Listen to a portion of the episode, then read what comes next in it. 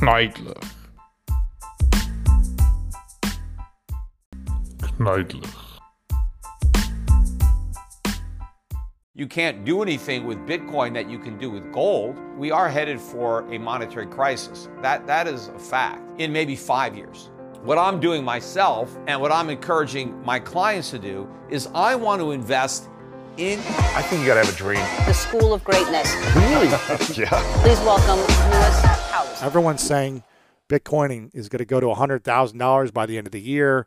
It's going to be the future, decentralizing the banks, all these things. But that's that's not really your opinion, is that right? Correct. And it's not everybody that's saying that. It's everybody who owns Bitcoin is saying Right. that, but not, you know, everybody. And in fact, once you own Bitcoin, you have a vested interest in saying that because the whole success of Bitcoin rests on more people buying it.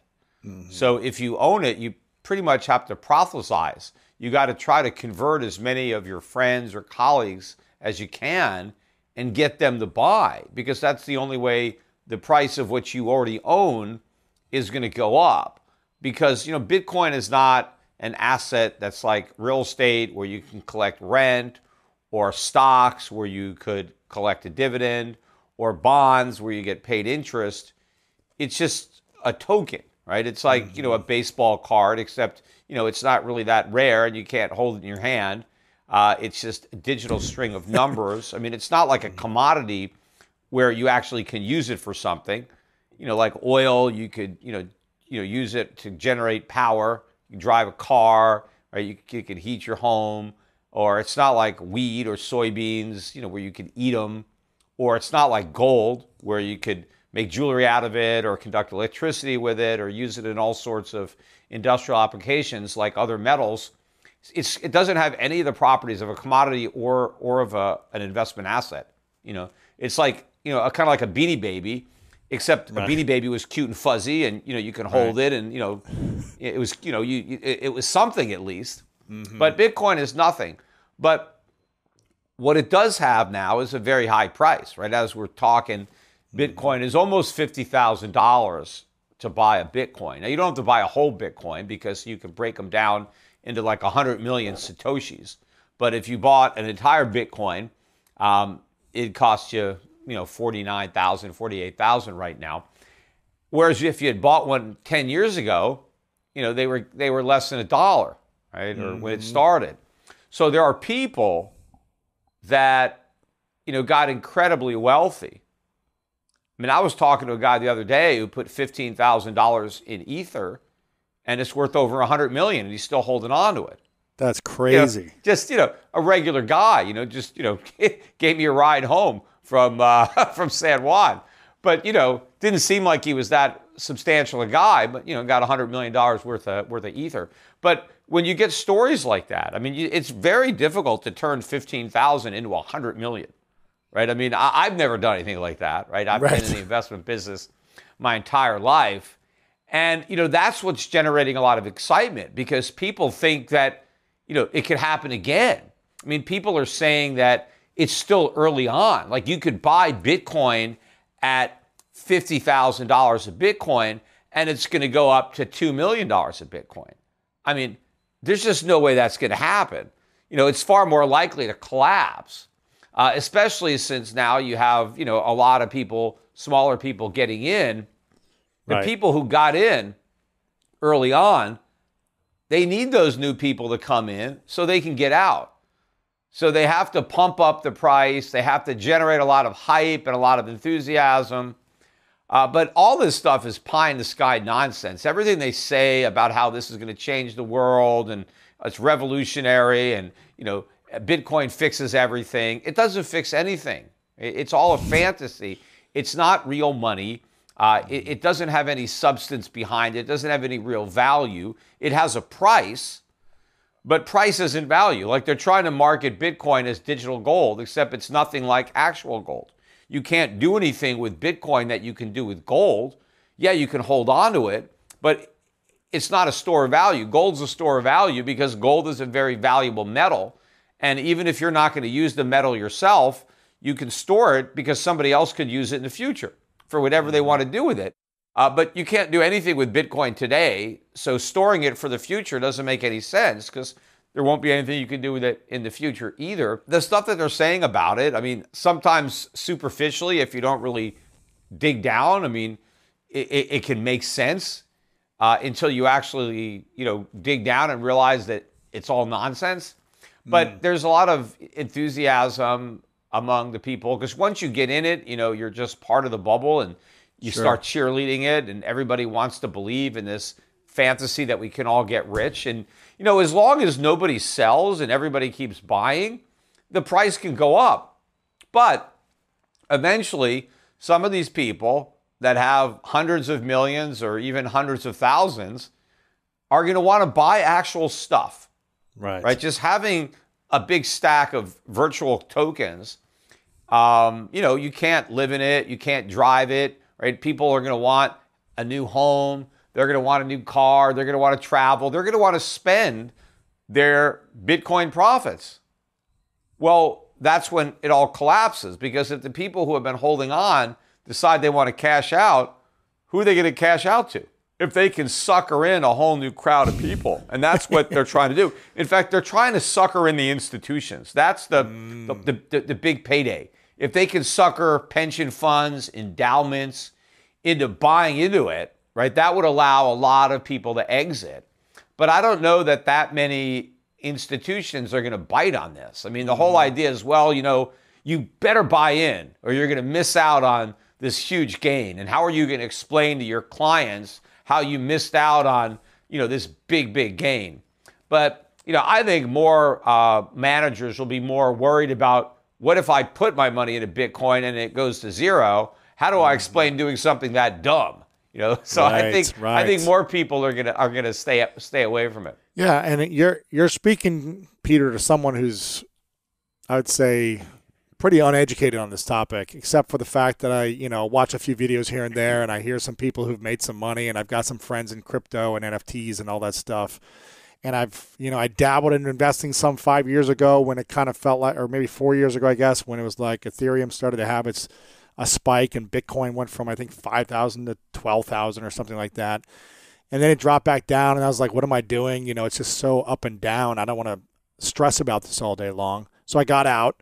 You know, I only put a little bit in, and I kind of forgot about it until last year when the NFT world started to come about, and I said, okay, is this another thing that I think about and try to learn? um, with the, the hype machine that's behind this. But one of the things you said is, so I'm going to play, you know, all sides of this just so I can educate myself. I guess so. A lot of people, you know, 10 years ago probably thought that Bitcoin would never reach a thousand, let alone 50 to 60,000. Um, so is it possible that it could go to 100 or, or 500,000, even though it's really just a hype machine? Well, you know, anything is possible, right? Mm-hmm. But the question is, how probable is it? And is it worth the gamble? Right. But you know, the way Bitcoin is marketed, it's not marketed as a high risk gamble. They say it's a store of value, it's a safe haven, it's a digital gold, but it's nothing of the sort. I mean, it is extremely risky. And I think ultimately, wherever it goes on the upside, it's going to zero on the downside. So if you're in Bitcoin you have to get out of it at some point before it collapses. Except the mantra is never sell. Hodl, right? You know, you need diamond hands. That's part of the con because the people who want to get out have to convince everybody else not to get out, right? So that they don't have the competition. Right. 80% of the people who own Bitcoin have never sold any.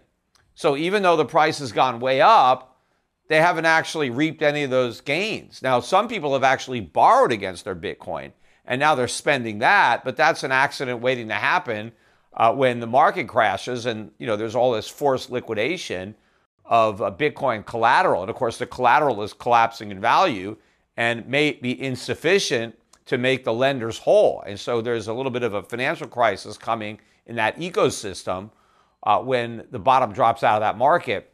But what's happening is the guys that got in a long time ago they're just trying to quietly unload as much Bitcoin as they can before the music stops. And they do that mm-hmm. by trying to get more and more people, entice them in based on the promise of, you know, easy riches, right? You're going to get rich. You know, get, you know, revolutionize the world. You know, own this Bitcoin and you don't even need a job. Just oh, buy this Bitcoin and never sell it.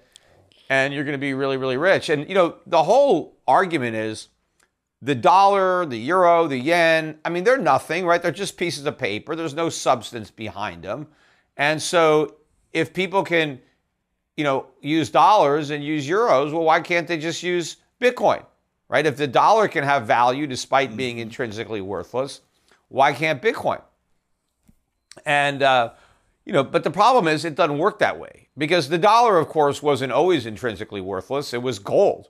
You know, it was actually defined as a weight of gold or weight of silver. And then the government issued notes, Federal Reserve notes, that were redeemable in the real dollars, which were made of gold, gold or silver. And it was a gradual process where we took the real money away from the currency. But when you have a fiat currency in a country that's legal tender, it's one currency everybody uses. The government says this is how you pay your taxes. Right? So you don't want to go to jail. You got to have these dollars, and every year you got to send them into us. And so the fact that you need dollars to stay out of jail, that in and of itself gives dollars a lot of value. Right. Uh, and then, of course, the dollar is the unit of account. Everything is priced in dollars. Your landlord is, you know, he wants dollars, so I need to earn dollars because my rent's in dollars. I go to the grocery store. Everything is that's for sale is in dollars. So you have this world that is based on the dollar already. Even though it's intrinsically worthless, it's still functioning. And the dollar loses value slowly, right? Every year, inflation, it loses a little value. If we still had real money, like gold, it wouldn't be losing any value. It'd be stable. I guess the thing that I keep hearing about Bitcoin is, well, it's like gold because there's a limited quantity and they're never going to make any more of it, right? Is that what you hear too? Well, that's part of the the pitch that it's scarce, but Yes. gold is scarce because there's only so much of it, you know, here on the earth. And it's hard to find it. You know, you have to mine it out of the ground and you know, it's a very difficult process. Bitcoin is scarce because it was programmed to be scarce. It's an artificial scarcity. It's not a natural scarcity. And the idea is that, well, that's never going to change, right? The miners are never going to vote to authorize additional bit, additional Bitcoin, right? I mean, in theory, it could happen, uh, but let's accept, you know, for argument's sake, the the the uh, the Bitcoin uh, proponents' uh, theory that it will never be more than 21 million, right? It's it's fixed at 21 million, and let's give them that. Well, so what? Because gold is scarce and it has value that is very unique and specific to gold, right? Gold can do things that other metals can't, or it can do things much more efficiently than other metals. So it's unique and it's scarce. Mm-hmm. Bitcoin is not unique at all. It doesn't have any real value. There are 15,500 or so alternative digital currencies, tokens, assets, whatever you want to call them. The main difference between them and Bitcoin is it's the name. It's got a different name. Some of the names are almost identical, like Bitcoin Cash, you know, Bitcoin Gold, or you know, Bit, whatever. They're, you know, all kinds of things, and some of them have crazy names, you know. Uh, but practically speaking, there's not that much difference between any of these other tokens. And in fact, you could make another token that is exactly like Bitcoin in every way, identical to it, just a different name Bitcoin 2, Bitcoin 3, Bitcoin 4. You can't make another gold that's just like gold. It's just, you know, there's, it's not on the periodic table. Uh, so being scarce in and of itself doesn't give you value right? Um, you know, anybody can can come up with an original work of art and say, "Hey, this is my only drawing. It's very scarce. I've only made one." But I mean, does anybody actually want to buy it? I mean, just because you scribbled something on a napkin and you said, "Hey, this is an original," right? And it's my only. And so it has to have value. And Bitcoin, maybe it's scarce in a sense, but it's not really scarce if there's 15,000 other cryptocurrencies that I could buy. Um, and it doesn't have any value. So people will always want gold, right? Gold is not just about an investment, gold is an actual commodity that's used. I mean, the biggest use is jewelry. Um, and, you know, they've been making gold jewelry for thousands of years. I don't see any indication, you know, from the people I know that they're going to stop wearing gold jewelry. I mean, Right. uh, gold is as popular as it's ever been. In fact, probably more so now than when I was younger. Men wear a lot more gold, especially you know certain cultures. I mean, so gold is you know a valuable metal for the jewelry industry, and that's not going to change. But it's also very valuable in consumer electronics, and you know consumer electronics is getting bigger and bigger. Uh, so I think the industrial demand for gold is going to continue to rise. So it's there. Um, the only demand for Bitcoin comes from speculators. There's no real user of Bitcoin. Uh, you only buy Bitcoin if you think the price is going to go up. So what happens if people stop thinking the price is going to go up? Well, then nobody wants to buy it. Well, then what happens to the price? It collapses. The price of gold isn't going to collapse because even if investors don't want it, you know, the real world does. And as the price comes down, the real buyers step up who need gold and they buy the gold. Um, and if the price is too low, no new gold is going to get made because you know it costs right now it would be twelve hundred dollars, fourteen hundred dollars to mine an ounce of gold. So that sells for about seventeen fifty. There's not a lot of margin in there. There's some depending on the mine. Sure. But if the price of gold went to a thousand and stayed there, nobody would mine anymore. Right. Well, then there would be no new supply for the industry that needs it, and the price would go up. Um, but Bitcoin doesn't have any of that. I mean, if people stop wanting to gamble on it, then, then there's no there's no buyers. You know, yeah, I mean, you you you create Bitcoin by solving math problems. They call it mining, and they won't mine as many if the price crashes, I guess. But it won't matter because there'll be no more demand because there is no end user for for Bitcoin. I mean, it, the, the main use case for Bitcoin is I'm going to get rich by buying it. What if it does crash? Let's say it goes to thousand dollars. Do you think actually people would invest more money then and try to go? Because I think it would go back up, or would it just stay there? I don't think so. I mean, Bitcoin has had a lot of big drops, right? And that's what gives people confidence that, well, if it drops big again, it'll come back. You know, like it went to 100 and then it went back down to a dollar or something. And then, then it went to 1,000 and it went down to two or 300. Then it went to 20,000 and it went down to 3,000, right? Then it went to um, like uh, 50,000 or 60,000. It went down to 30,000, but not, you know, so people keep thinking, oh, if it crashes again. But, you know, I think at this point, you know, if it had that kind of drop from this level with all the money that has, that has come in, I think, you know, about half the people that own Bitcoin bought it this year. And so most of them are probably underwater. You know, the Bitcoin is probably worth less than they paid. And if they bought Bitcoin at 50, 60,000 and it goes down to 5,000 or 1,000, look, I don't think they're going to be waiting it out. I mean, a lot of them are going to be forced out if they're on margin. They're going to get wiped out. But I think the enthusiasm will, will, will, will go away. I think the institutions, uh, anybody who was thinking about buying it will certainly not do it. I mean, once they, they see that kind of drop, because they're trying to really say, well, you know, it's not going to have that kind of drop again because, you know, now it's mainstream. Now, you know, we have futures contracts, we maybe have ETFs, we have these institutions. What about the cryptocurrencies where people are saying, again, I'm I'm uneducated here, so I'm asking from uh, an honest point of view. What about the cryptocurrencies that people are saying, well, these have utility. It's different than Bitcoin. There's something based on it. You know, there's some actual value, more than just a name and the hype of it and the limited quantity. Um, what about those cryptocurrencies? Now, I don't think that you actually need any of these cryptocurrencies. I think to the extent that you can use blockchain to do a lot of these things, you don't need the cryptocurrency to do it. That's just a gimmick to get people to buy into it because the idea is, oh, this one has use, so I'll buy it and it's going to go way up.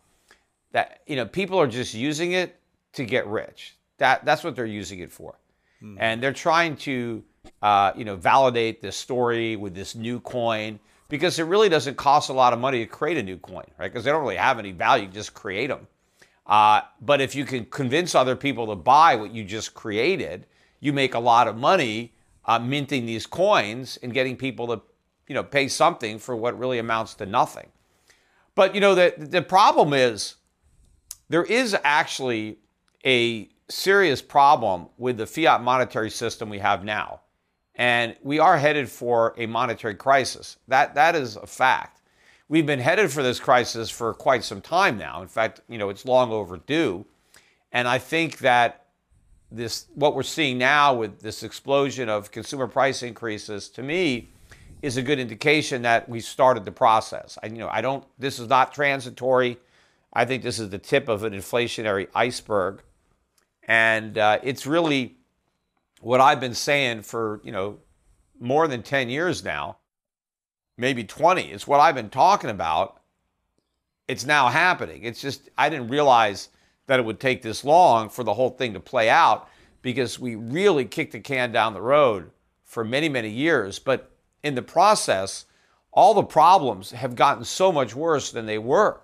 And so the crisis now has to be much worse because we're unwinding uh, a bigger problem. It's a much bigger bubble.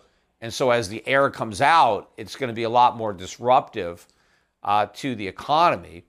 Uh, but a lot of the people in crypto and, and Bitcoin in particular, they've got that part right. That, that there's the dollar is going to lose a lot of value. The Fed's going to keep printing them.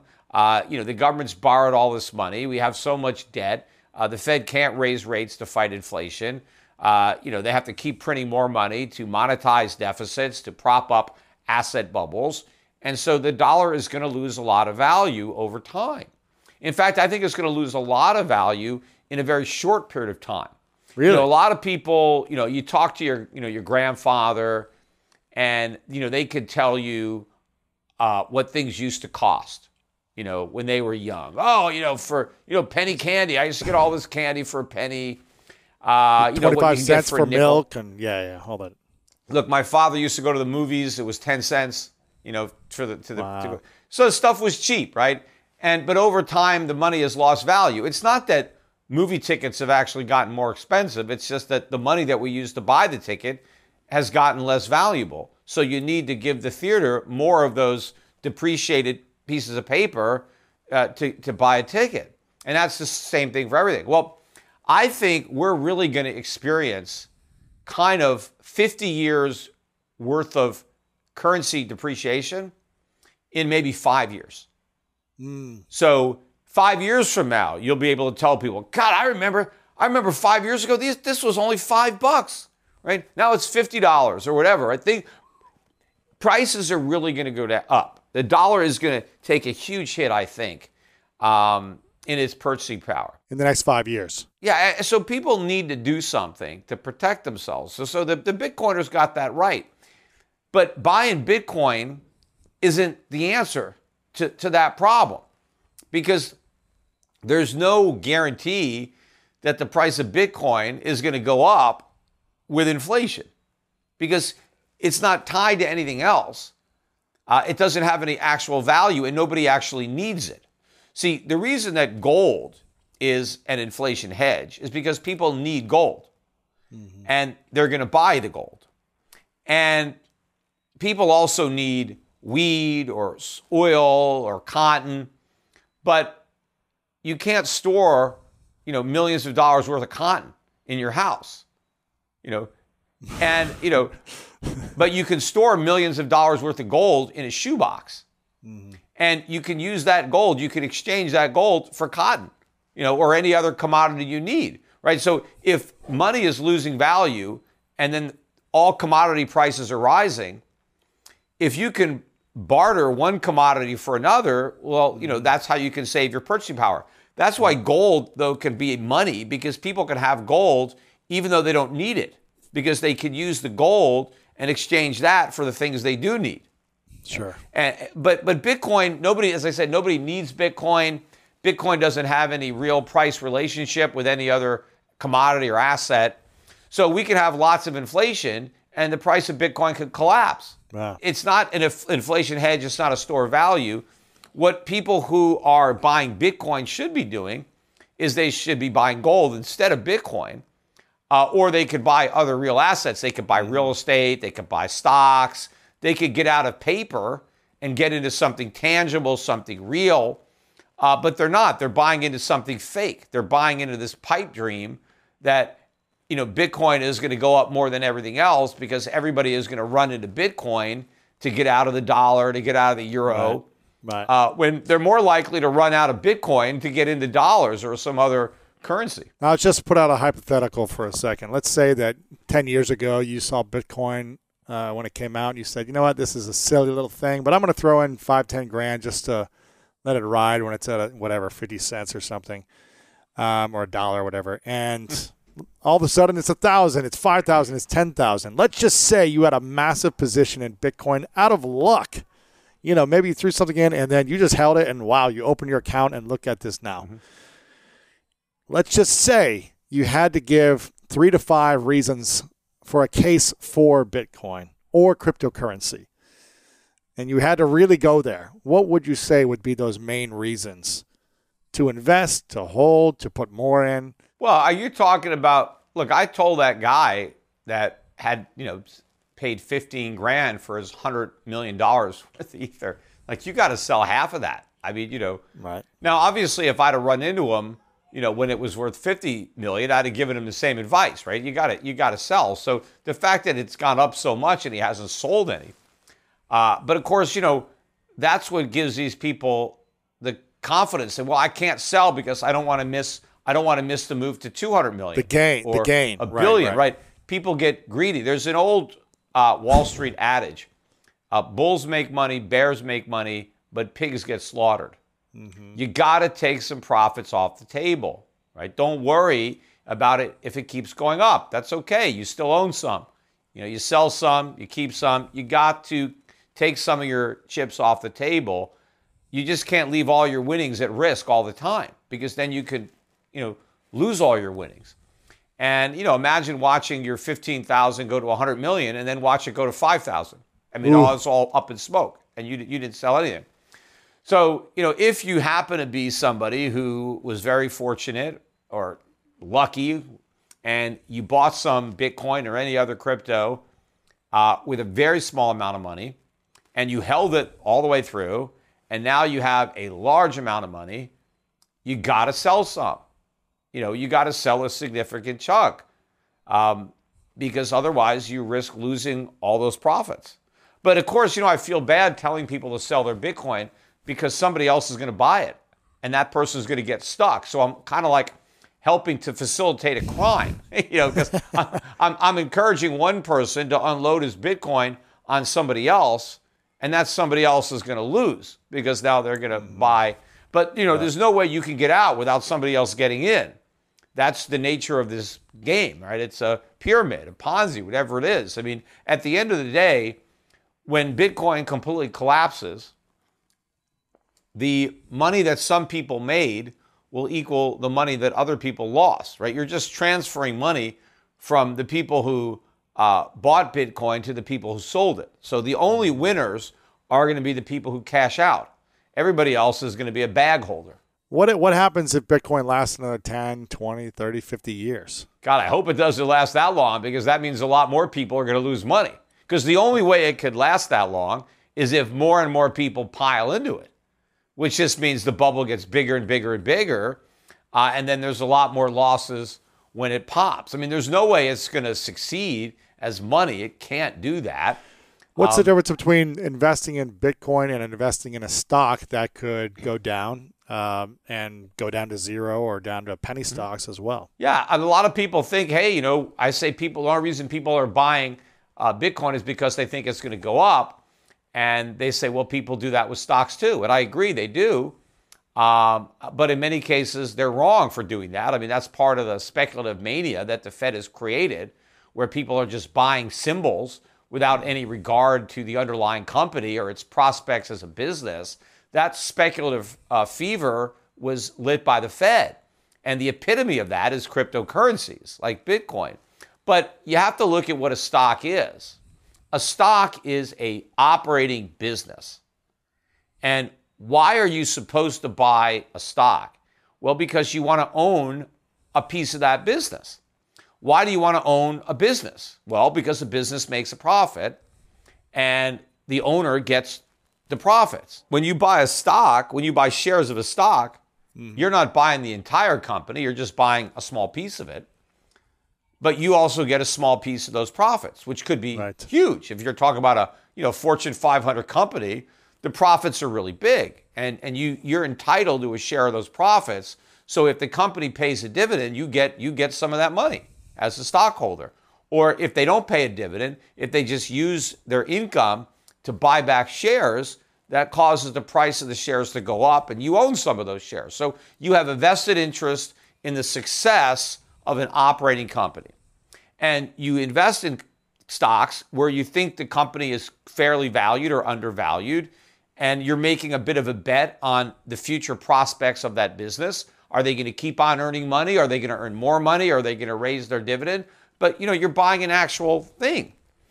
Um, so it's not just about going up, right? I can buy stock in a company and it never has to go up. If they pay me a dividend every year, the dividend is a good return. Maybe a stock pays a 7 8% dividend.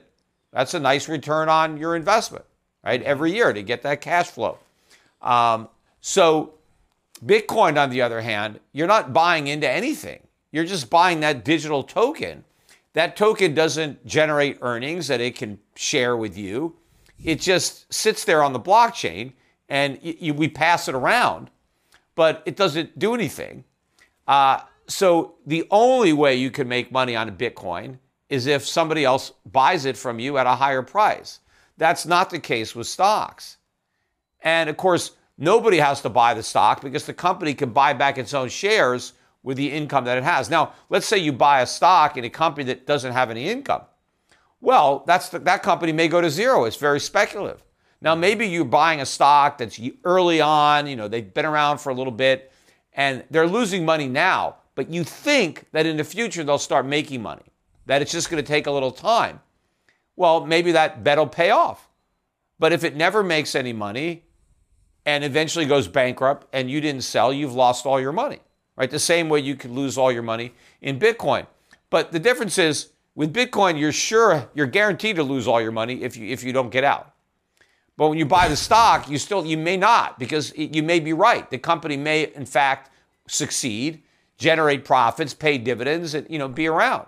But there's it's not it's very different than Bitcoin. Sure. Or people say, well, real estate. People buy real estate because they think it's going to go up, right? But they also collect rent. You have a piece of real estate, you rent it out. It doesn't have to go up. You just collect your rent. It cash flows. You make money, you know, or you buy real estate for your personal use. You own a piece of property. Now you don't have to pay somebody else rent.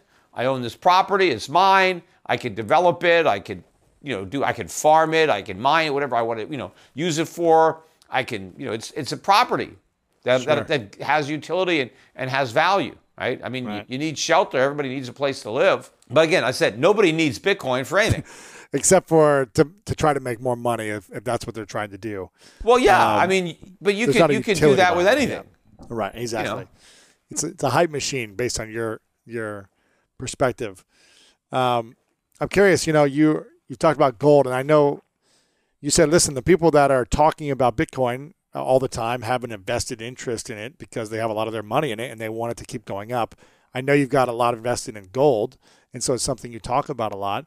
Um, but what do you think the future is for cryptocurrencies in the next, I guess, five to 10 years then? Do you think, again, the last 10 years, it keeps kind of growing, it seems to be, with a lot of ups and downs. But where do you think the next five to 10 years are with the economy and the dollar really losing its value? I'm- hearing you say in the next five years. Yeah, look, I- you know, obviously more money could be suckered into this bubble. I mean, I'm, who am I to say that, you know, they can't succeed in growing the bubble bigger?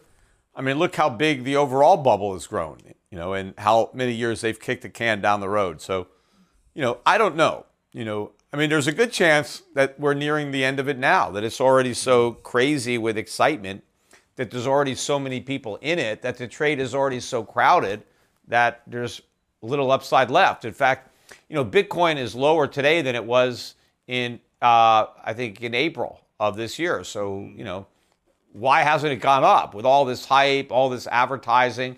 You know, you watch a network like CNBC, Uh, almost every other ad is a Bitcoin crypto ad. I mean, it's nonstop. Really? The network, in order to go on the network, you pretty much have to profess your love of Bitcoin. Everybody loves Bitcoin, all the anchors, everybody loves it. Even though they also love the Fed, they love Bitcoin too because, you know, they're advertisers. They want to appease the advertisers. They won't even let you on unless you, you know, are positive on Bitcoin. and then, you know, they keep bringing on these shills that are working in cryptocurrency companies and own all this Bitcoin. And they'll say, well, what do you think of Bitcoin today? I mean, should people sell it? Of course not. Everything is great. I mean, they, they, they bring these guys on like they're objective, but they have a huge vested interest in, in propping up Bitcoin because their entire livelihood is dependent on Bitcoin rising. And so they need people to keep buying it. So they're never going to be objective. It's always like, mm. yeah, it's going to go up. Don't worry about it. It's great. Bye, buy. Um, now, some people say, well, Peter, you say the same thing about gold, right? You need, you need people to buy gold. No, I don't. I mean, gold's going to go up whether I convince people to buy it or not. I mean, the gold market is so big, I have absolutely no uh, ability to influence it. Whereas, you know, in crypto, crypto is small enough One that person tweets it who's influential. look, it you- could- yeah. yeah, I mean, you know, you're not going to have an effect on gold, you know, by tweeting about it, like you know, like Yeah, Bitcoin. Um, but, and I don't, you know, Bit, gold is a small part of what I advocate that people do. I mean, I think gold's a good store of value. It's a good place to keep your savings if you don't have a better use for it, but it's not an investment. Now, I think right now gold is underpriced. So I think in a way, it, it's it's it's got features of an investment now because I think it's really cheap. Because the market, and this is ironic when it comes to gold, because we're getting all this inflation, uh, or at least people are seeing all the inflation. We're all talking about inflation because groceries are getting more expensive, energy, everything is going Gas, way up. yeah. I mean, and and and people are saying, but look at gold. Gold is going down. We're having all this inflation and gold's going down. It must not be an inflation hedge anymore. And what people don't get is that gold 20 years ago was under $300 an ounce. So it's it's it's gone up a lot when supposedly we had no inflation. We actually had inflation. It's just that we weren't talking about it. But what's hurting gold now is that traders are making a bad bet, right? You have highly leveraged traders who control a lot of money. They're convinced that when the Fed tightens monetary policy, when it ends QE and starts raising rates to fight inflation, this is going to hurt gold. Because historically, when the Fed is raising rates, you know, it could be bad for gold. Except the Fed is not going to raise rates nearly enough to hurt gold. In fact, it's not going to raise them enough to bend the inflation curve. They're not really going to fight inflation. They're just pretending they're going to fight inflation. They may na- they may never even get into the ring, right? They they may just concede the fight without even, you know, getting involved. But if they do get in the ring, they're going to get knocked out by inflation because inflation is already double digit if, if you measure it honestly. But even with the government's, you know, uh, doctored up CPI, you know, 7% inflation, you can't fight 7% inflation with 1% interest rates if we even get that high. You need much higher interest rates than that to, to make a difference. And the Fed just can't go there because of its monetary mistakes of the past. It's got the whole nation so levered up on debt. You know, the federal government's, the national debt's almost 30 trillion. We just passed 29 trillion. I think I remember back in like the 80s or 90s hearing like, oh, it's at a trillion or two trillion or something like back then. I can't remember. Yeah, well, it, it first broke a trillion around 1980 when we elected Ronald Okay. Reagan. So it's Wow. 30 times greater than that. But right now, the, the, the cost to the government of uh, the interest expense on the national debt is really about 1%. That's it, the average cost. Well, what if the Fed had to raise interest rates to 5%? The, the national debt, you know, would, the cost would explode because we have to refinance all that because it's all short term paper. You know, something like a third of the debt's going to mature in the next year. And a lot of that debt that, that's maturing is at 25 basis points, you know, like a quarter of 1%. What if it matured and then they had to roll it over at 5%? I mean, the mm-hmm. cost of the government is astronomical. It doesn't have the money. Um, but also, corporations have tremendous amount of debt. They issue debt to buy back stock. Individuals have debt. They borrowed money to buy homes, to buy cars, to buy all kinds of you know crap on their credit cards. What happens when interest rates go up? So you know nobody can afford the type of interest rates that would be necessary to actually rein in this kind of inflation. That's what people just haven't connected those dots yet. They just assume that the Fed could raise interest rates a little bit and that's going to solve the problem. It won't solve Yeah. the problem. It'll actually unleash an even bigger problem, which is why the Fed's really not going to do anything. And inflation is just going to keep getting worse. Because if the Fed could fight inflation, they would have already done it. They mm. wouldn't have been lying and pretending it didn't exist or claiming it was transitory. They would have taken some preemptive action before it got this bad. Yeah. Uh, the reason they didn't is because they were afraid of the collateral damage to the economy. Well, if they didn't want to fight inflation earlier when it was smaller because they were afraid it would hurt the economy, they're not going to fight it in the future when it's even bigger, and fighting it then would do even more damage to the economy.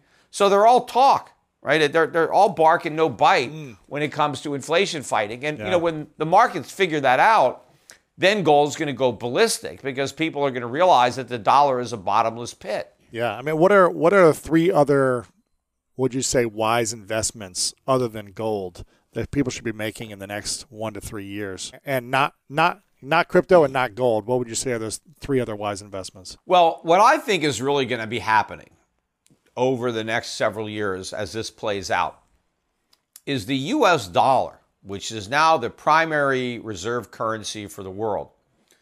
The US dollar is going to be phased out of that role. Hmm. And you have to understand how vital that role is to the American way of life today. Because once upon a time in America, we manufactured pretty much everything we consumed. In fact, we manufactured so much that we had extra. And we were the world's biggest exporter of manufactured goods, right? All sorts of goods. Consumer electronics, like all the stuff that's now made in Japan or made in Germany or made in China. We made all that stuff here ourselves. Um, we don't do that anymore, right? We, we, we, we don't make much relative to what we consume. Um, and how do we do that, right? How do we get to buy all this stuff that we didn't make? Well, we get to print money, which is easy to do, right? Just crank it off a printing press. In fact, the Fed doesn't even have to print it. It just, you know, conjures it into existence just, you know, on a computer, just makes up some dollars. And and then we use those to buy all the stuff we didn't make. and that enables Americans to really live a standard of living that is unrelated to our actual productivity. We're living way beyond our means. Um, and obviously, that's fun. You know, we get to consume a lot of stuff that we didn't have to make. Making stuff requires resources, uh, land, labor, capital. We get the stuff without the resources. So we get to do other stuff. Like a lot of people are involved in services, right? Instead of having to work in a factory making stuff, we, we do services and things like that because other people are making this stuff for us. We don't have to deal with the factories, we don't have to deal with the pollution, right? We just get all the good stuff. We don't have any of the bad stuff. You know, we leave all that to the Chinese. Well, the Chinese are willing to work really hard to produce goods for Americans to consume because they have confidence in the dollars that they're receiving in exchange. That in the future, they'll be able to take these dollars and, and buy stuff that they need. And in the meantime, they'll invest them in our treasuries or you know other assets. But when they really lose confidence in the future value of the dollar because we're just printing too many of them, uh, the dollar is going to collapse. Um, and then the price of all this stuff is going to skyrocket. What's going to happen is the American standard of living is going to drop precipitously because we're not going to be able to live beyond our means anymore. We're going to now be restricted to living within our means or maybe even beneath our means because we have to pay off a lot of debt. So Americans are going to be able to consume only what we can produce, right? We're not going to be able to run $80 billion a month trade deficits. We're going to have to balance the books and produce so we can consume. Also, we've been able to borrow a lot of money from foreigners. That's not going to happen anymore. So Americans are going to have to go from a nation of spenders to a nation of savers, right? But when you do that an economy built on profligate spending is going to collapse, right? 70% of our GDP, we're all spending money. But what if we stop spending and start saving again, which is what we need to do? Well, that whole phony economy comes collapsing down. So there's going to be this big transition. But when the dollar goes down, that means that other currencies, by definition, are going up against the dollar, right? And so as Americans are losing purchasing power, other people are gaining the purchasing power that we lost. So the world is still going to continue to produce goods. It's just that instead of Americans consuming those goods, non Americans will consume them because for them, the prices will be going down. For Americans, the prices will be going up. And the same thing with assets. Assets in America, stocks, real estate, will be marked down. Mm. But assets in other countries, in relation to our assets, will be marked up. Right? America is going to become poorer as a nation. Other countries are going to become richer. And in fact, America has been a major burden that the global economy has had to bear because we're, you know, 300 plus million Americans, we're not pulling our weight, right? The world has had to carry our water. Mm. They've had to produce the stuff that we consume right. and save the money that we borrow. That means they've had less to consume themselves and they've had less savings to invest in their own economies because they've been investing in ours or loaning to us. So when the dollar crashes and people are no longer hoarding dollars in treasuries, you know, the global economy could really improve. Certain countries will really benefit from that burden uh, being lifted from its shoulders. So, in answer to your question, what I'm doing myself and what I'm encouraging my clients to do is I want to invest in countries that have the most to gain from America's loss. Wow. I want to own currencies that have the most upside potential against the dollar. I want to own assets and businesses that are going to benefit from wealthier non American customers having increased purchasing power. Right? Just like at one point, America was a young country and a relatively poor country. And over the course of the 19th century and early 20th century, we became very rich. If you invested in America, 1860, 1870, you know, you made a you know, a lot of money as we rose you know, to become this major power. I want to invest in countries that are going to see a, a large increase in their relative wealth. So, if any of your listeners, right, if you want to construct a portfolio uh, that will do well in, you know, if, if what I'm saying comes to pass, right, we have stagflation in the U.S., weak dollar, dollar loses its reserve status, you know, we, we go through this. My portfolios will do extremely well. You know, if you look at the last decade that was similar to what we're going to experience, but this is going to be worse. It was the 1970s. And when the 1970s started, an ounce of gold was $35. By the time it ended, it was $850. Right? Mm. Um, oil was $3 a barrel. It went to 30. Wow. Uh, in, in 1970, you could buy four German marks for the dollar. By the end of the decade, maybe one and a half. The Swiss franc was about 23 cents, you know, in beginning of the 70s. It got up to 80 cents by the end. So all these currencies went up. The Japanese yen, you used to get 360 yen to the dollar in 1970. You know, now you don't, you know, you don't even get 100, but I think it got to maybe 130, 140, 150 in 1980, but huge drop. Um, if people invested in commodities, in foreign stocks during the decade of the 70s, they made a lot of money. If they stayed in U.S. stocks, they lost money. If they stayed in U.S. bonds, they lost even more money. Right? So I think what we're going to experience in this decade is going to be far worse financially than the 1970s for wow. Americans who remain invested in dollar denominated assets.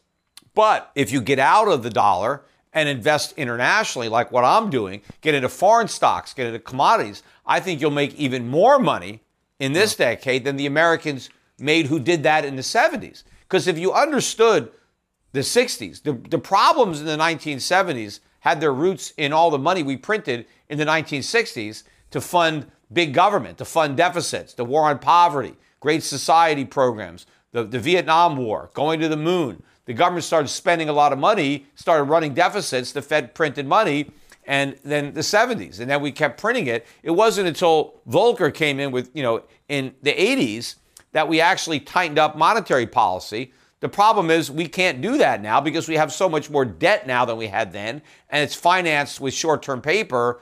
We don't have the ability to swallow the bitter tasting medicine that we swallowed then because this time it would kill us. We'd actually die from the, from the, the, the medicine. It would, it would be like a toxin.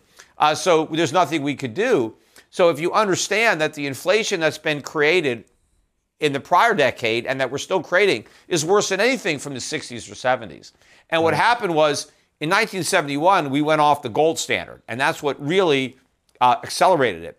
Well, this time the world's going to go off the dollar standard, and that's going to be even worse uh, for the dollar than going off the gold standard was. And so people need to act now, you know, because you can't be too late. I mean, you know, you're going to have to be early.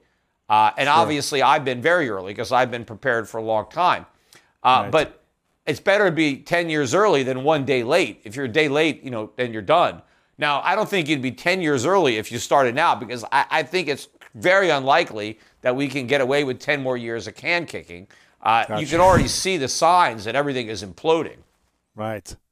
And how do you manage the investors or the big believers in Bitcoin or cryptocurrencies who are telling you, you know what, Peter, the sell sounds great, but you're wrong because I'm seeing this growth over here and I'm making a lot of money or it looks like a lot of money on paper. How do, how do you manage those conversations? Well, I don't really manage them. I mean, for, most of them are just a lost cause. I mean, they're just going to Yeah, learn yeah. the hard way. A lot of these crypto people are very young. And because they're very young, they don't really have a lot of money at risk because they didn't have time to earn a lot of money. Right, right. You know, the best time to lose a lot of money is when you're young mm-hmm. because you have a lifetime to earn it back.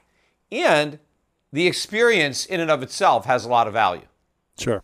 because it may help you avoid making a bigger mistake in the future with even more money right? So it's a it's a it's a life lesson. It's a it's a growing pain learning experience. You know that's where wisdom comes from. Like all these young people that have bitcoin they they make fun of me. They call me boomer right? I'm, I'm old. I don't get it. I'm not with it. You know they don't realize that yeah i used to be in my 20s too. I, I understand you know how you think you know everything when you're a kid and you think your parents and your grandparents you know, are fools because they don't know the new stuff. Uh, but as you get older you appreciate just how much your parents knew and your grandparents knew. I mean this is his this is natural. This is this has been going on probably for thousands of years. I mean i'm sure you know there was a you know you know 20 something caveman that thought his uh, his old man you know didn't understand you know the new clubs and how they worked or whatever you know.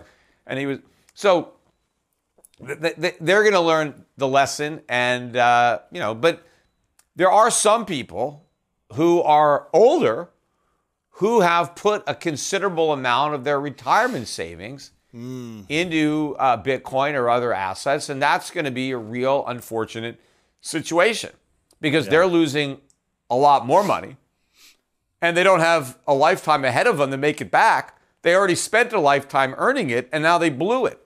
So that's going to be the biggest problem. The, the, the older people who went in over their head. Now, if they only gambled with a small amount, if they took, you know, 2%, 5%, okay, you know, blow that, Sure. but, you know, keep the rest. But Sure. the concern is that, you know, people just took too big a position, never took any profits off the table. Um, some of them even leveraged their positions and took on debt. And so they're going to walk away with nothing. So, um, but I don't, I can't manage it. It is frustrating sometimes. I mean, I've lost some clients along the way. Fortunately, not that many where they're like, no, I'm going to put it all in Bitcoin. I'm like, you know, I try to talk them out of it. It's like a public service. I'm trying to, you know, do the right thing and and keep people from making a mistake. And I say, Sure. look, if you want to buy a little bit of it, look, if you're, I say, if you're right, if it's really going to go up this much, you don't need to have this, you know, that much money in it. A little bit will go a long way. I mean, you know, Sure. but no, they get too greedy. They want, they, want- they, they want more. They want more. How, do you have any? Do you have any money in any cryptocurrencies, or did you invest No. early on in a little bit? No, I've, I've never bought any. I mean, it's not like, you know, I'm bragging about it. I mean, obviously, I wish I bought some because I could have sold it and made money. But, you know, that's the other thing. You never know. It's very easy for me to say, because when I first heard about Bitcoin, you know, it was really cheap. I mean, in relative to where it is now, right? I mean, not cheap in absolute terms. I mean, even if it was 10 bucks when I heard about it, I mean, it was 10 bucks for nothing. Uh, at least that's how I looked at it back then. Um, but yeah, I mean, if but let's say I had a bot, let's say I threw 10 grand in, or maybe I even did 50 grand or 100 grand. I mean, I don't know if I'd have done something that crazy. I certainly could have thrown five or 10 grand at it, like, you know, no problem. I mean, I, I had the 100 grand, but I would have thought, you know, I want to put 100 grand in that. I mean, but uh, look, I've put 100 grand in other things that went to zero. I mean, I've, I've done speculative things, you know, so I could have done that, you know. I mean, the only Bitcoin I ever got was given to me, and I lost that.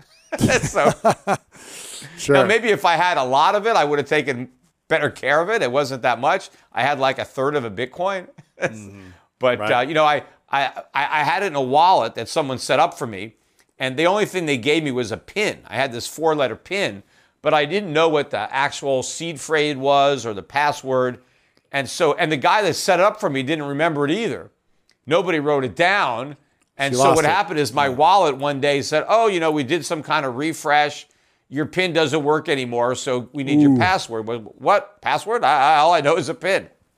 Right, So right. uh, yeah, my, my big what I uh, everything I own is gone. Fortunately, it, it, it wasn't that much. You've been you've been around for a while. You've got a lot of wisdom in around money and around investing. You've you've made a lot. You've you've lost some from speculations. It sounds like.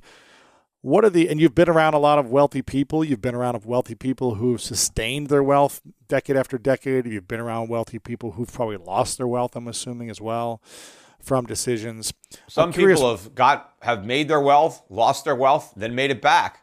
You know, Right. it's like And I'm curious, what are the key differences in your mind between a rich mindset and a poor mindset? Well, I think the people, I mean, now forget about crypto rich. I mean, there are people that just got lucky, right? Some, you know, they, they didn't mm-hmm. really do a lot of work. They, they, they took a flyer, and even though they bought something that it's ultimately going to go to zero, you know, it, it, it, other people made the same mistake they did. And so, you know, they're- they, they've got all this money on paper.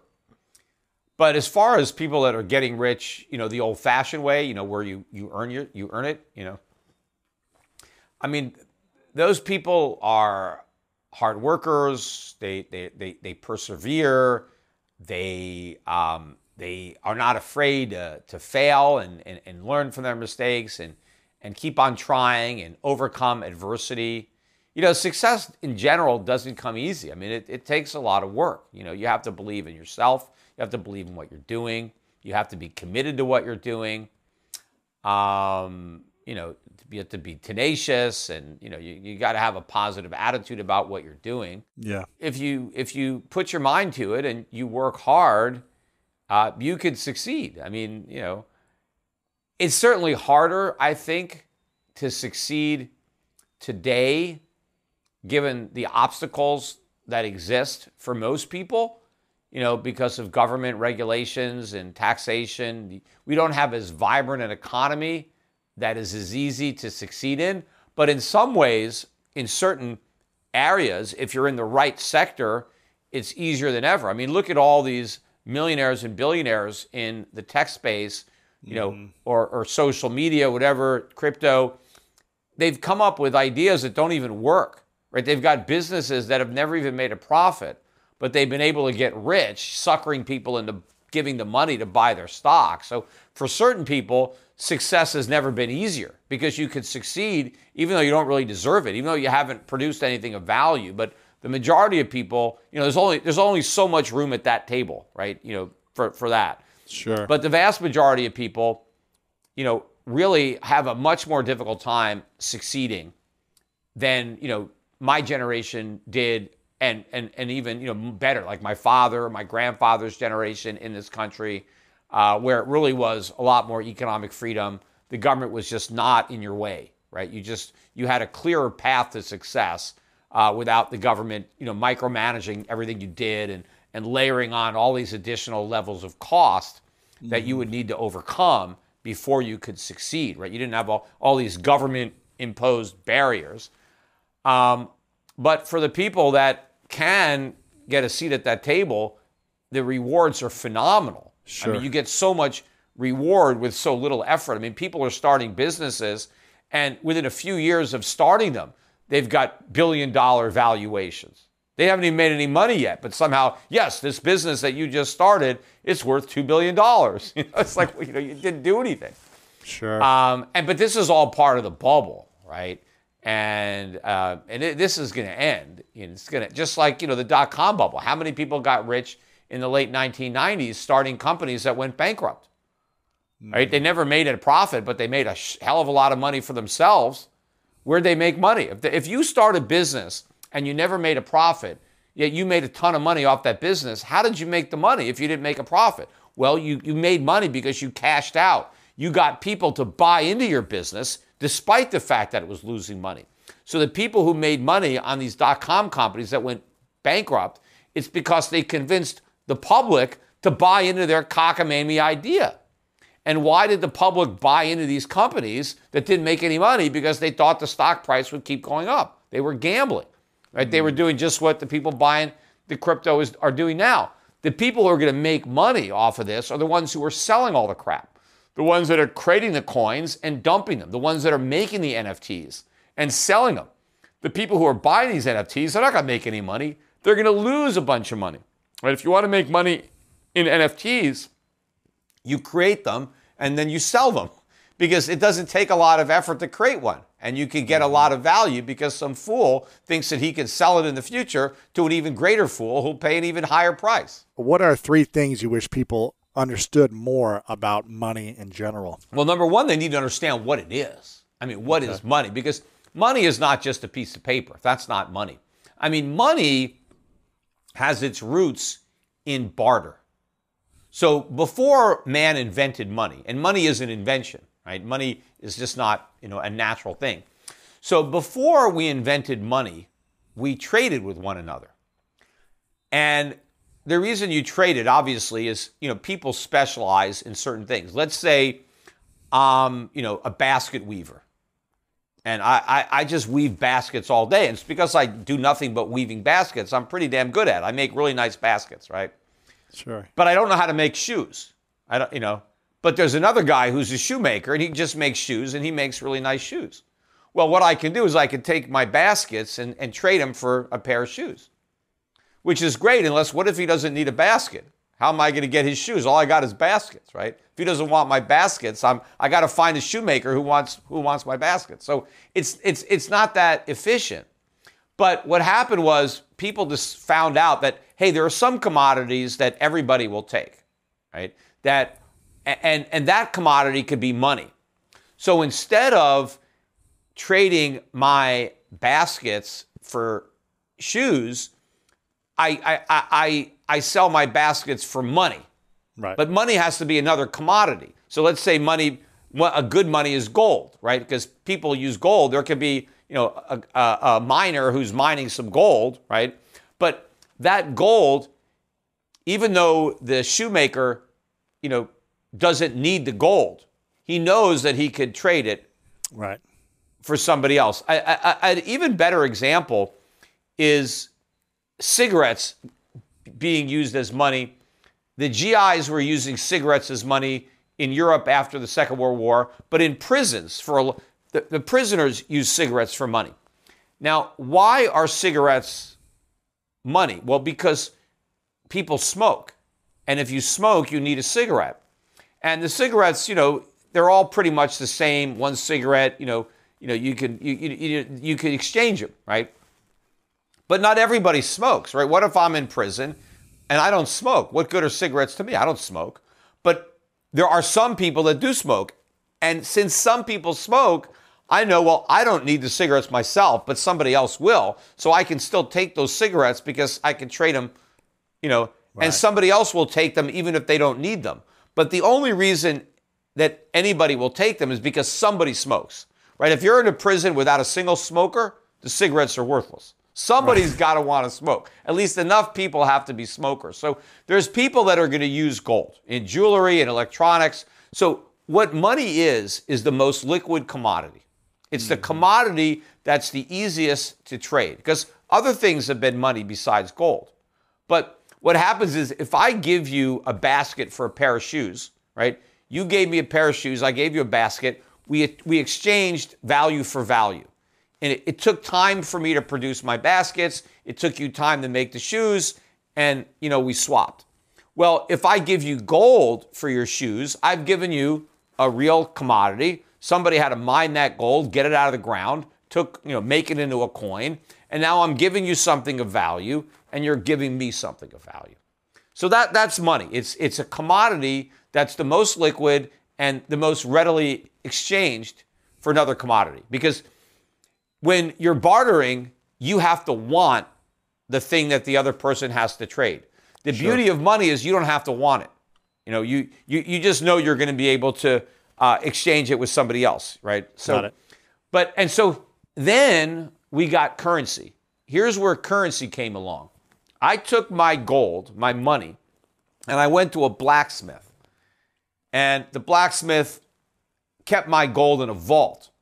And he gave me a piece of paper that said, you know, I owe Peter Schiff, you know, you know, an ounce of gold. And I got it for you in my safe, right? I have this piece of paper that's in, that entitles the bearer to go to that blacksmith and, and, and get the ounce of gold, right? So now, if this is a reputable blacksmith, I'm in town and everybody knows his notes, they know what they look like, they know who he is, they recognize his signature, right? I could say, hey, I want to buy something. I don't actually have my gold. It's down at the blacksmith's, but here's the IOU for the gold. You know, will you take that? Right? Well, okay, yeah. So now that piece of paper starts to circulate as a substitute for money. Mm-hmm. It's not the actual money, it's a piece of paper, but it represents that money because whoever bears that piece of paper can go to that blacksmith and get the gold.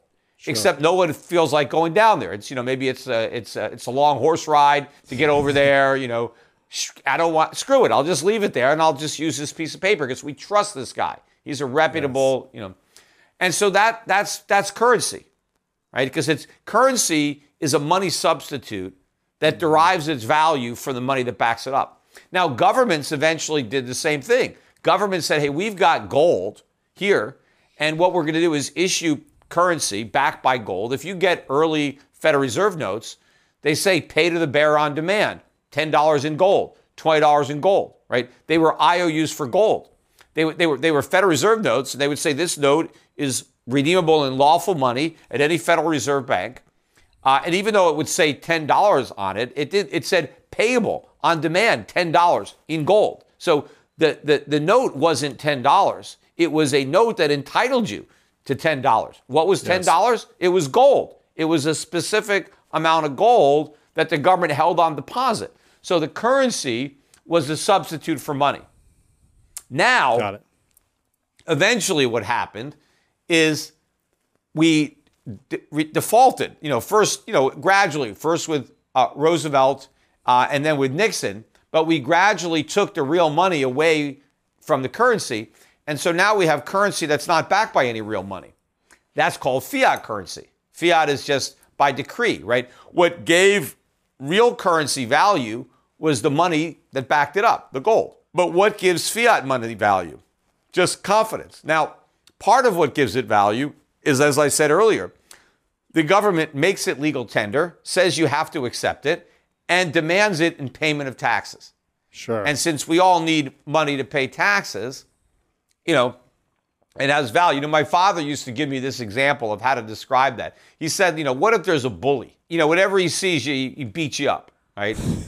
but but then he says, you know what? If you give me five dollars, I'll give you this piece of paper that says, you know, you, I won't beat you up, right? And so when I see you, you just better have that piece of paper, show it to me, and if you got my my my note, you know, I'll leave you alone, right? Well, all of a sudden, that piece of paper has value because if you have that piece of paper, this bully's not going to kick the crap out of you. So that now, you know, you maybe you could circulate, you can sell that. Someone else is going to be going, hey, I'll sell you this piece of paper because if you don't have this piece of paper, this guy's going to kick your ass. All right, I need that piece of paper, right? And now that piece of paper has value because I avoid an ass kicking, right? Because because I've got I've got the paper. right. So that's basically the government. Hey, you know, you don't want to go to jail. You better have these Federal Reserve pieces of paper, and every year, you know, you're going to have to pay these taxes, and this is what we want. We don't accept anything else, right? So, you know, that gives it value. But again, what also gives it value is that everybody is using it. Every place I go. I mean, anything. If I want something, I can buy it with dollars. Mm-hmm. Now, that doesn't mean I'm always going to be able to buy things with dollars. I mean, paper currencies collapse all the time. They go to zero. They, I mean, there hasn't been a fiat currency that's survived. I mean, we've, you know, governments started issuing these hundreds of years ago. I mean, as soon as they developed a printing press, right, you had governments coming up with this crap, right? But before they did that, you know, they had to, you know, find other ways to debase the money. In fact, that's where the word debasement comes from, because like the go back to Rome, right?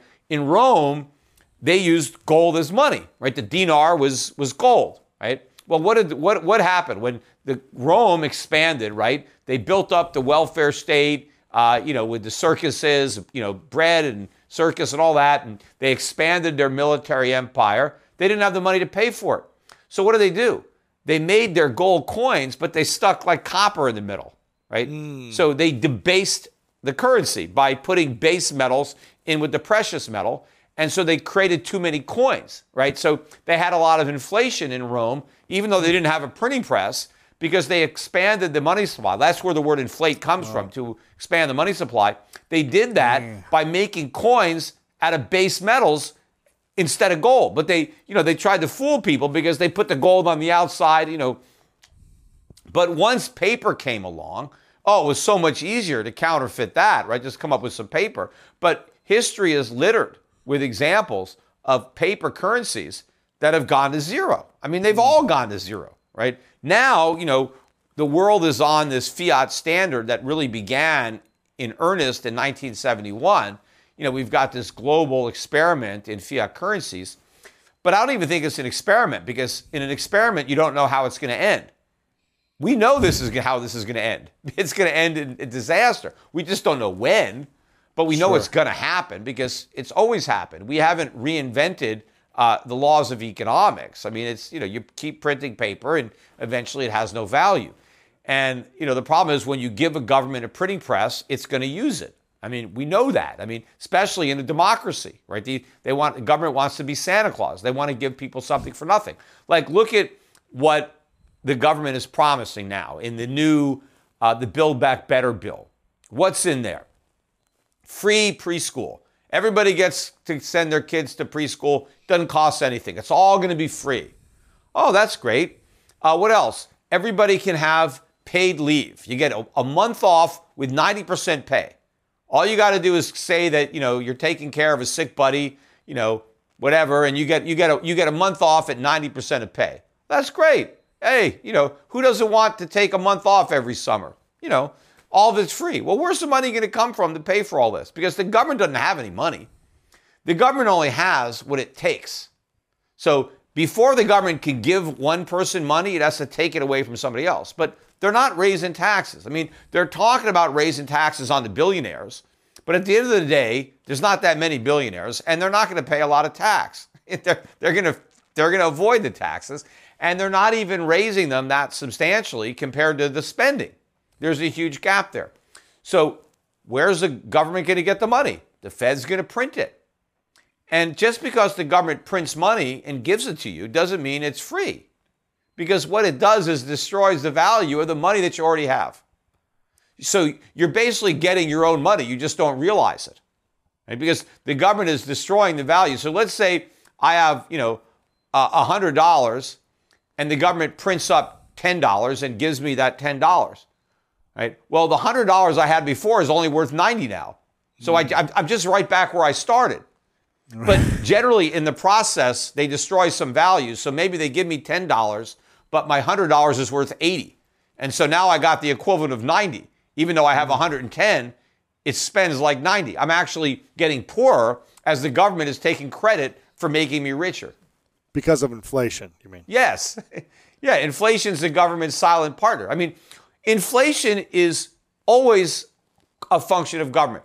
Government creates inflation. Now they try to mm. blame other people. Greedy businessmen are raising their prices, right? They're gouging. No, no, they're not. In fact, you know, we got the, the producer price index came out today.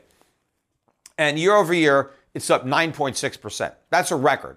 I mean, since they've What- been keeping what is this? track. The producer price index? What does that mean? Yeah, that's wholesale prices. That's the prices that businesses pay, right? Gotcha. Their their costs. That is the biggest year over year increase since they've been keeping track. I'm not really sure when they started, but it's the, the biggest one. but the consumer price index over the same time period is up uh, 6.8%. Well, that means that businesses aren't gouging their customers. The customers are gouging the businesses. The businesses are absorbing a good chunk of the inflation themselves. They haven't passed it on yet. I, I think they're going to, but government always wants to blame the public for inflation. You know, you, you're greedy, you're spending too much, or supply shortages. Oh, you know, there's not enough supply. Yeah, when you print too much money, there's never enough supply because the government can print all the money it wants. So think about, you know, the the the lunacy of our COVID policy, right?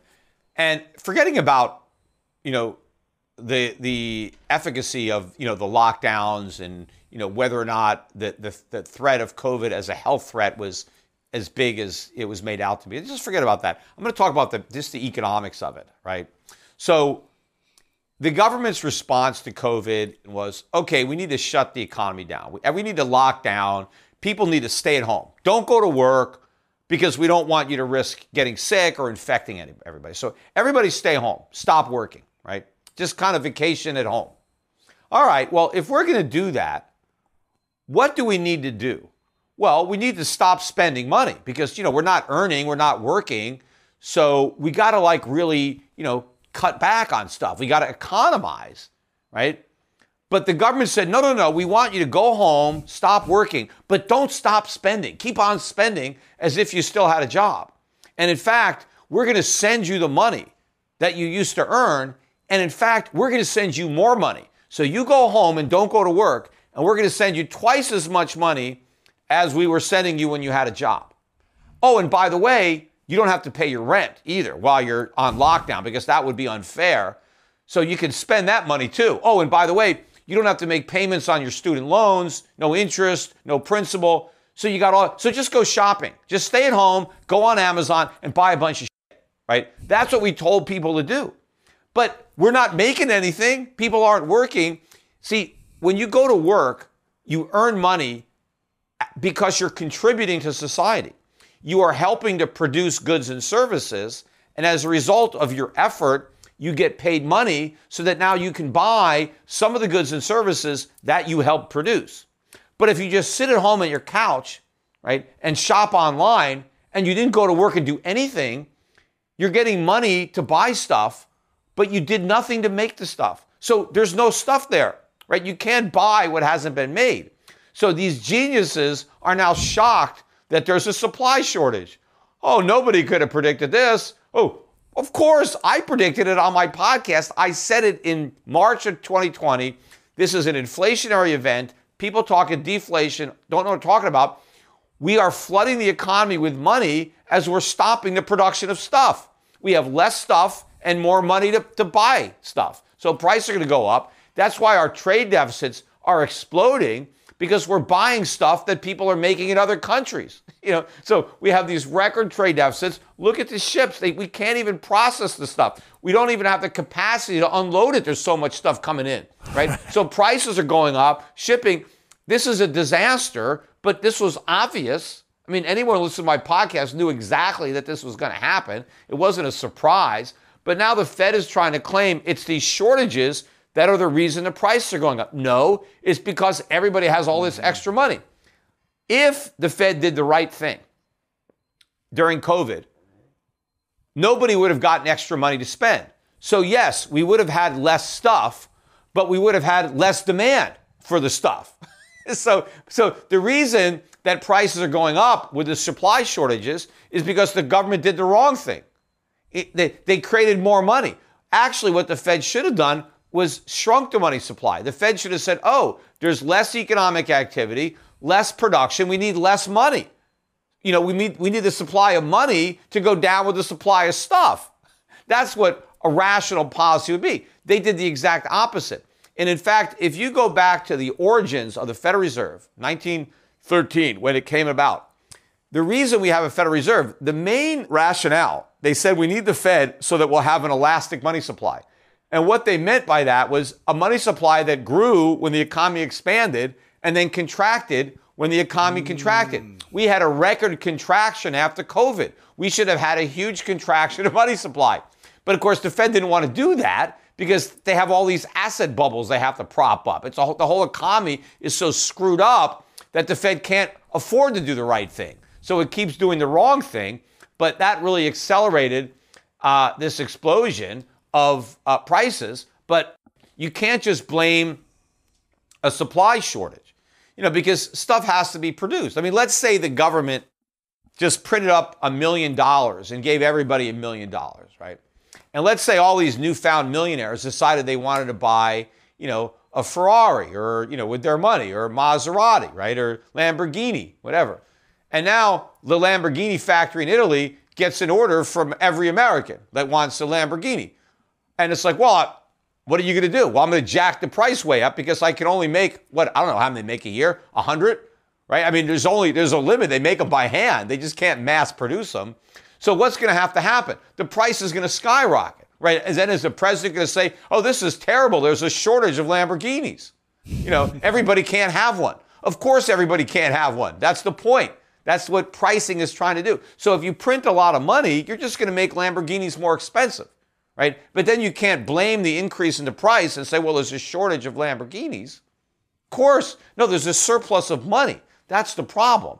So the right. price has to go up. And so that's what's happening. I mean, we're printing all this money and we're trying to blame it on supply. It's the sure. demand that is the problem. The demand is coming from excess money printing. You've written a number of books on the market crashes uh, and what's happened in, in history and what predictions you've made with crashes and things like that.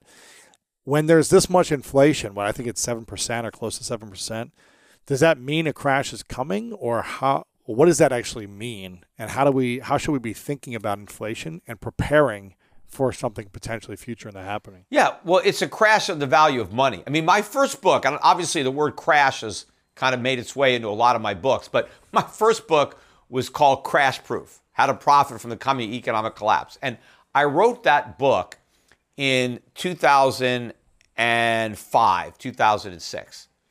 It came out in early 2007. That's when right before and, the the crash. Yeah. Right. And in fact, when I started the book, I almost wrote specifically about the housing bubble. It was I was going to write because the housing bubble was so big, and you know I actually you know I I I I wrote about the housing bubble a lot.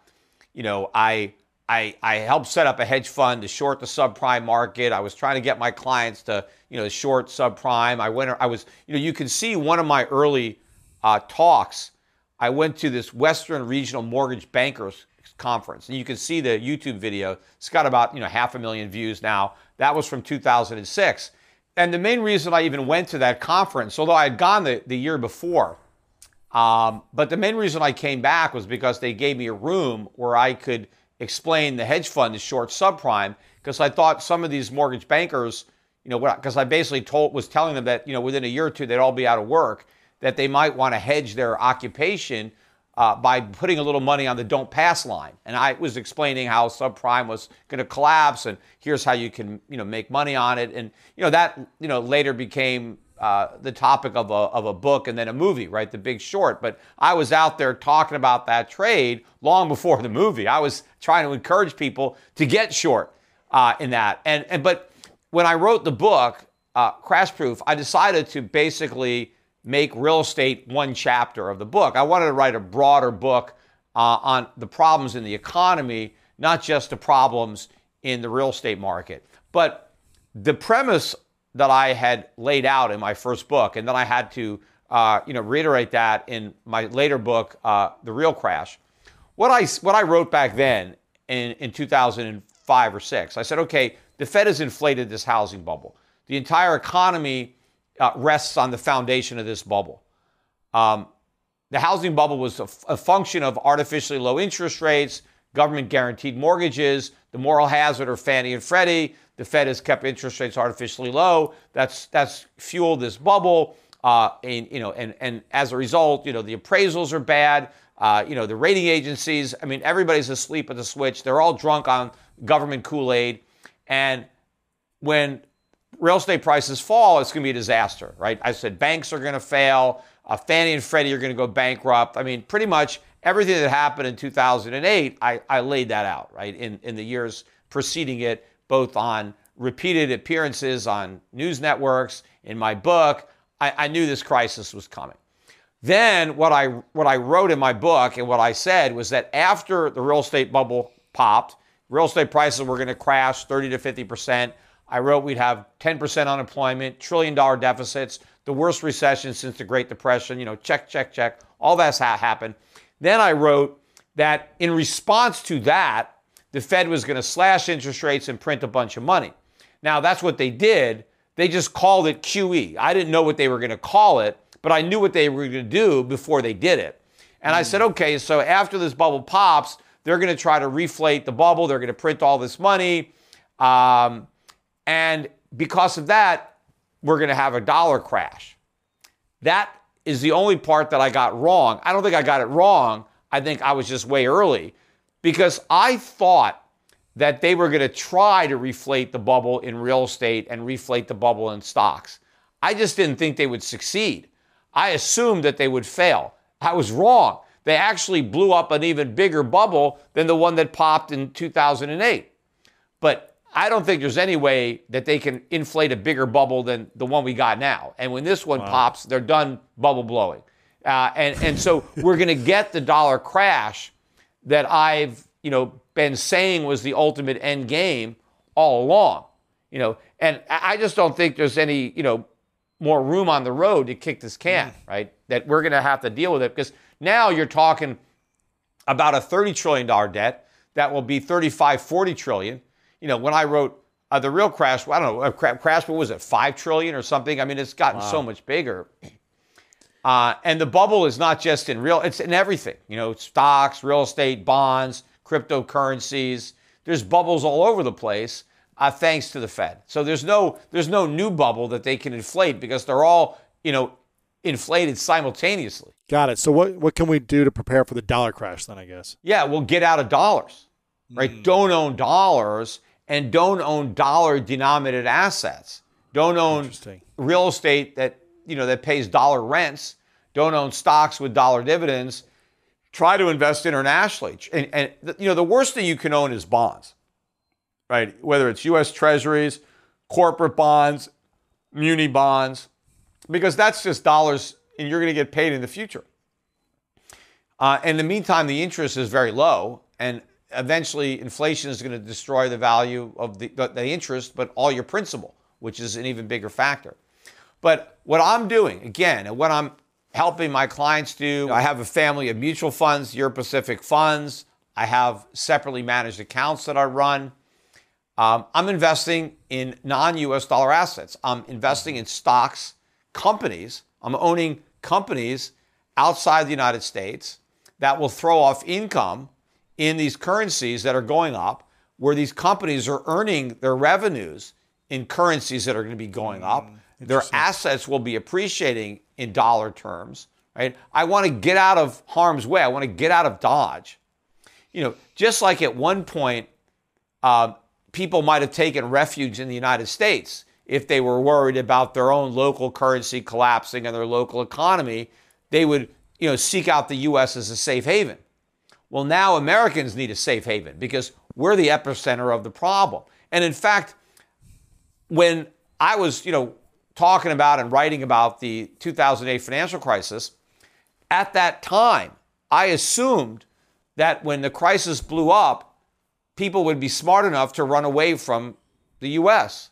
Instead, they ran towards the U.S. Mm. you know, people, the dollar went up. I thought it was going to go down. Now, of course, by the time the crisis had happened, the dollar was at a record low. So I wrote my book. The dollar was collapsing between the time I wrote my book and, the, and, and my book came out in January of uh, 2007. By the summer of 2008, the dollar was at an all-time record low. You know, I told people the dollar was going to fall, and it, it fell substantially before the crisis. Same thing with gold. When the when the, the crisis hit in August of 2008, gold was around $1,000 an ounce. When I wrote my book, it was under 400. So I was telling mm-hmm. people to buy gold for the crisis. It went up before the crisis. So by the time the crisis hit, it actually came down. Uh, but I don't think the world is going to make the same mistake again, especially when the crisis is in the dollar right? If the if we have a dollar crisis, if we have a U.S. Treasury bond sovereign debt crisis, there's no way that you can run towards the thing that's in crisis, right? So the people can't take refuge from the dollar in the dollar. Right? if they want to get out of U.S. Treasuries, they can't buy Treasuries as a hedge from Treasuries. They they're going to have to sell. So I think this time uh, my game plan is going to work out, you know, perfectly. Uh, so people just need to be positioned ahead of this. Uh, and, and, you know, and the other thing is the, the, the valuations. Just even if I'm wrong, right? Even if the U.S. doesn't collapse, that doesn't mean the rest of the world is gonna. I mean, if you invest abroad, that doesn't mean you're going to lose money. Uh, and in fact, the valuations are much better. Emerging markets are historically cheap compared to the U.S. A lot more growth potential there uh, than the U.S. So even if the U.S. doesn't implode, that doesn't mean you can't make money investing outside the U.S. In fact, you know, you made a lot more money investing outside the U.S. in the first decade of this uh, century. You know, from 2001 to 2011 timeframe, the U.S. stock market was down. You didn't make money in U.S. stocks. You had, you had a lost decade in America. Right. But you made a ton of money in emerging markets. You made a ton of money in commodities and gold. So all we have to do is have another one of those decades.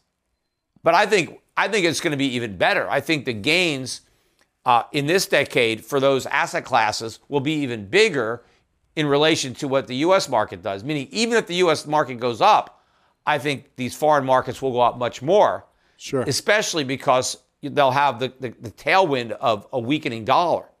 Yeah. Because if the dollar goes down by 50%, your foreign stocks double just on that basis alone. Right? Even if they haven't appreciated, they still double just on the foreign exchange. It's been a wealth of information, and I know you've got a lot more great content on YouTube and on your uh, the Peter Schiff show on your podcast. You've got some incredible books as well. Um, what's the main place we should be checking out your information we can send people to for you? Certainly on my own podcast at uh, Schiff Radio. Mm-hmm. I try to do at least two podcasts a week. Uh, sometimes I do three, or on a rare occasion four, but I try to do at least two. I mean, I mean, there's once in a while I only get one in. you know, I mean, I I have other things that I'm doing for sure. And that's that's schiffradio.com. Is that right? Schiffradio.com is the website where I host the podcast. You can also anybody that's you know on you know iTunes or Stitcher mm-hmm. or these various places where you know they house podcasts. I'm up on a lot of these platforms. A lot of people still listen to me on my YouTube channel. I really got started on YouTube even before it was a podcast. I was just doing some YouTube videos. And so that's where I started to cultivate an audience. And even though most of my content now is just audio, although I, am building a studio again right here in my house in Puerto Rico, and when I finish it and get new equipment in there, I'm probably going to start doing the podcasts with video again. Mm, I did it for a while. People liked it, but you know, it, it was a little bit more uh, effort, and so sure, sure. Um, doing them just audio made it easier. So, um, but I will go back to that. Okay. But my YouTube channel is just the Schiff Report, or you just go to YouTube and Peter Schiff, and you'll see again, it's about 470,000 subscribers. Very cool. We'll make sure to link all this stuff up. And yeah, Peter, I want to acknowledge you for you know sharing your wisdom. You got a lot of wisdom and a lot of uh, experience and educating us on the principles of kind of like how money works and you know what happens with inflation and, and all these different things that are happening to make it simplified for someone like myself that may not understand where we've been in history, where we're at now, and where we could be going. So I really appreciate you. Thanks for the wisdom. Thanks for the information, and uh, excited to share this with the world. We appreciate you. Okay. My pleasure. And so I was able to buy real estate at a nickel and a dime on the dollar. It was a wonderful time. But there were other times I was broke and couldn't take advantage yeah. of stuff being on sale. But uh, if you're in a position you got money right now, the stock market's on sale, real estate's not moved much yet. But if you're buying even consumer items other than toilet paper, most things are on sale. I know.